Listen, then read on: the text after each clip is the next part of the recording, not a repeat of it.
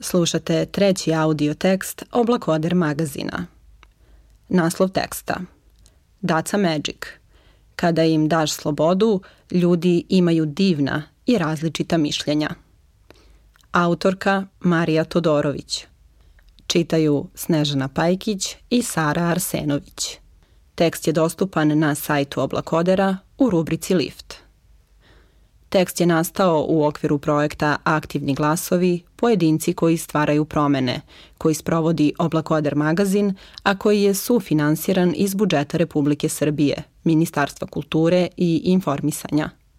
Stavovi izneti u podržanom medijskom projektu nužno ne izražavaju stavove organa koji je dodelio sredstva.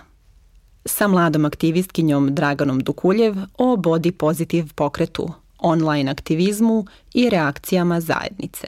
Dragana Dukuljev je pre dve godine na ličnom Instagram profilu Daca Magic počela da se bavi temama poput body positive pokreta, ali i različitih vidova seksualnog i reproduktivnog obrazovanja. Kako kaže, odavno je shvatila da se ne uklapa u društvo i pravila, ali je verovala da određene pozitivne promene ipak mogu da se dese – uprkos standardnim stavovima, šta ti jedna možeš da promeniš, Daca je svoj profil počela da koristi za podizanje svesti o bitnim temama, da bi sada, dve godine od pokretanja cele ideje, uvidela velike promene koje su zbog nje napravili ljudi koji je prate i edukuju se putem njenog profila. Želela sam da donesem neku pozitivnu promenu, koju i dalje želim, jer smatram da svi možemo da budemo mnogo srećniji i slobodniji i da biramo svoje životne puteve i postupke, a ne da pratimo neki kalup, ističe Dragana. Otišli smo do Pančeva, odakle je ona, i u bašti kafića u centru razgovarali o body positive pokretu, plus size modelingu, reakcijama zajednice, ali i online aktivizmu. Kada si se ti prvi put susrela sa temama o kojima pišeš, kao što je body positive pokret? Mene je sve to pokrenulo na razmišljanje i istraživanje kada sam više počela da se družim sa strancima kojima je to bilo sasvim normalno. Na primer, ljudima iz Amerike gde je body positive pokret nešto sasvim očekivano, a ovde mi ljudi, kada vide da to radim, govore da sam hrabra. Kada sam videla da može drugačije, krenula sam da istražujem pretežno preko američkih aktivista i influencera i shvatila da je to okej okay i da postoji kao opcija. Kakva je bila prvobitna reakcija zajednice i ljudi koji te poznaju? Ljudi koji me znaju su u početku bili malo kontradiktorni, jer su mi oni godinama pre toga govorili da pokrenem blog, jer imam svašta nešto dobro da kažem. A onda su bili u fazonu, ne mogu da verujem da je moja drugarica ta koja sad nešto priča drugima na Instagram storiju. Malo im je bilo čudno, ali su se moji bliski prijatelji brzo navikli, a ostalima je bio šok, ali opet više pozitivan nego negativan. Šta bi ti rekla? Šta je body positivity? Body positivity je postao malo širi pojam nego što je bio na početku i ljudi ga drugačije vide. Najpre moramo da krenemo od mind positivity-a. Ne mogu da zavolim tek tako sebe ako ne krenem od stanja uma. Ljudi često greše kada misle da će sve biti super ako odem u teretanu, oslabim i volim sebe fizički. Ako me mozak ne prati u tome, ništa od toga. Meni je body positivity način života i gledanja na svet, gde prihvatamo sebe u svakom obliku, ali to ne znači da ne želimo da se menjamo, nego da prihvatamo i želju za promenom kada mi to želimo, a ne kada nam društvo to nalaže. Samim tim prihvatamo druge koliko god da su drugačiji i vidimo lepotu u tim različitostima, a ne u nekom očekivanju da svi treba da budemo isti i da je to jedino okej. Okay. Često se pominju i negativne strane body positive pokreta.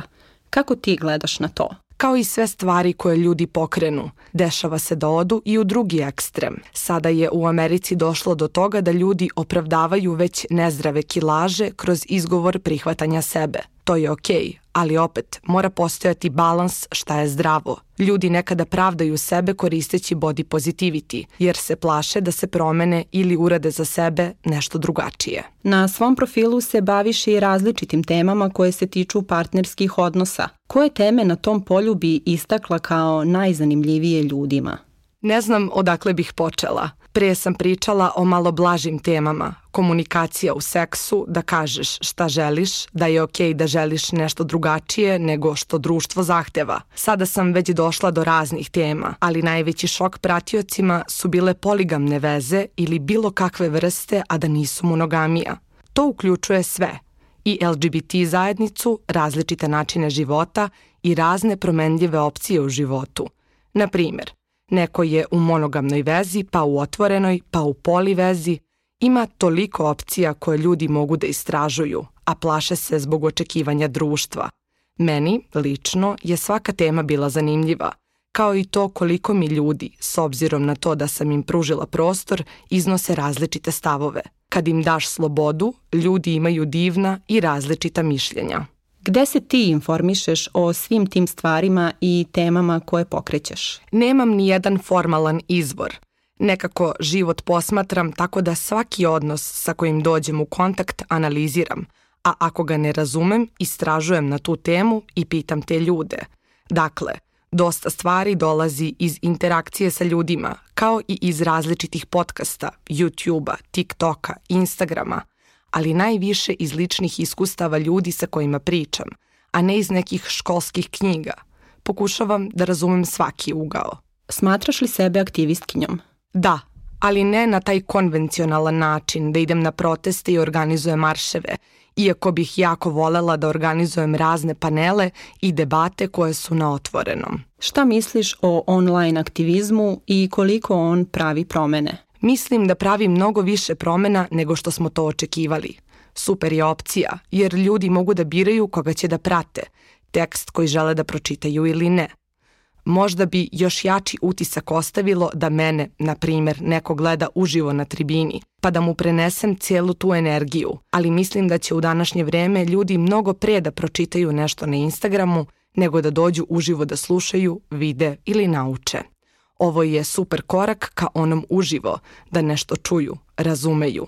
Super je miks, treba da koristimo sve resurse koje imamo. Imaš li neke uzore iz aktivističkih krugova? Od naših definitivno profil kritički zbog načina na koji obrađuje teme, koliko ne osuđuje i uzima sve strane u obzir. Kada je o body positivity u reč, jedna Kristijana i Ashley Graham. Obe su iz Amerike. Ashley je prvi plus size model koja je svetski poznata i toliko je slobodna i prirodna. Ona je pričala svoju inspirativnu priču kako je ceo život tela da bude model, ali su je svi govorili da nema šanse, pa je ipak to uspela da uradi. Kada govorimo o plus size modelingu, misliš li da je pomalo toksičan s obzirom na to da postoje modeli koji su navodno plus size, a nose na primer veličinu 38? Užasno je što se industrije trude da budu normalne, pa se javljaju takve sumanute stvari. Što se tiče tih etiketa, mislim da bi najbolje bilo da ih prevaziđemo i da ih nema, ali do tada bilo bi bolje da postoji veći opseg svega toga. Druga stvar koja me izluđuje je kada vidim da neke kompanije naprave, na primer, plus size kolekciju donjeg veša i sve bude u bojama krem, bež, bez čipke, najjednostavnije moguće kao za bakice – Skoro sve što se pravi plus size, naročito ovde, je nekako tetkasto i kao da mi, veće devojke, nismo hotness. Treba da se obučem u džak i da se sakrijem kada ne pripadam nametnutoj veličini. Pomenula si i lične priče. Koliko je bitno deljenje ličnih iskustava za stvaranje promena u društvu? Mislim da svaka javna ličnost, instagramer, influencer, bloger, šta god, mora da odredi koji je njegov limit i samim tim će drugačija publika da dođe. Ne postoji jedan tačan odgovor. Neko voli da to bude više poslovno i da ti se ne mešaju u lični život, dok neki vole da im fotografišeš sve, od jutarnje kafe do toga šta radiš pred spavanje. Sve zavisi šta koga privlači. Dakle, ili ili situacija, ne možeš biti i jedno i drugo. Mislim da može. Rekla bih da sam ja nešto između. Koristim svoj lični profil, ali ne fotografišem od jutra do mraka. Mislim da sam pronašla neki balans koji je meni prihvatljiv. Nekada malo više delim stvari ukoliko smatram da je to okej, okay, nekada manje. Dosta je zanimljiva interakcija koju imaš sa svojim pratiocima. Koliko ti se javljaju sa feedbackom da su promenili nešto zbog nečega što si ti okačila ili rekla? Vrlo često. I uvek sam srećna i jako mi je drago. Kao da mi prvi put to kažu. Jedna devojka mi je skoro napisala da je obukla haljinu koja je uska i dekoltirana zbog mene, a da pre toga nikada nije imala hrabrosti da to uradi. Ljudi mi pišu kako prave promene u svojim odnosima, toksičnim vezama sa partnerima, prijateljima, porodicom. Ono što me isto raduje je kada mi pišu svoje mišljenje o nekoj temi i što imaju slobodu da mi kažu. Koliko ti je izazovno da odgovaraš na sva pitanja i komentare ljudi? Da li ti se dešava da ljudi imaju utisak da si ti uvek tu, pa da nemaju granice? Sada mi stvarno mnogo ljudi piše i nekada se i ja umorim, jer provedem i po 8-9 sati na Instagramu, dobrim dijelom odgovarajući na poruke. Dosta se dajem svemu tome, jer ukoliko mene neko pita za savet, ne želim da ga otkačim, već se udubim kao da mi je najbliži prijatelj. Ljudi ponekad preteruju, kada na primjer stavim neki termin na engleskom, a oni mi pišu, šta je to, prevedi mi. Ok, možeš i ti da googlaš kao što sam i ja naučila. Onda im nekada prevedem, nekada screenshotujem, a nekada im napišem da googlaju – Preteruju kada me pitaju za nešto tako jednostavno, a mogu sami da istraže i nije im preveliko cimanje, ali im je lakše da im sažvaćem objašnjenje, pa kao da im i tada nije jasno, onda traže još.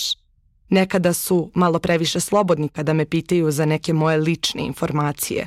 Onda im napišem da ne odgovaram na takva pitanja, a oni budu u fazonu, pa mislili smo da si ti slobodna.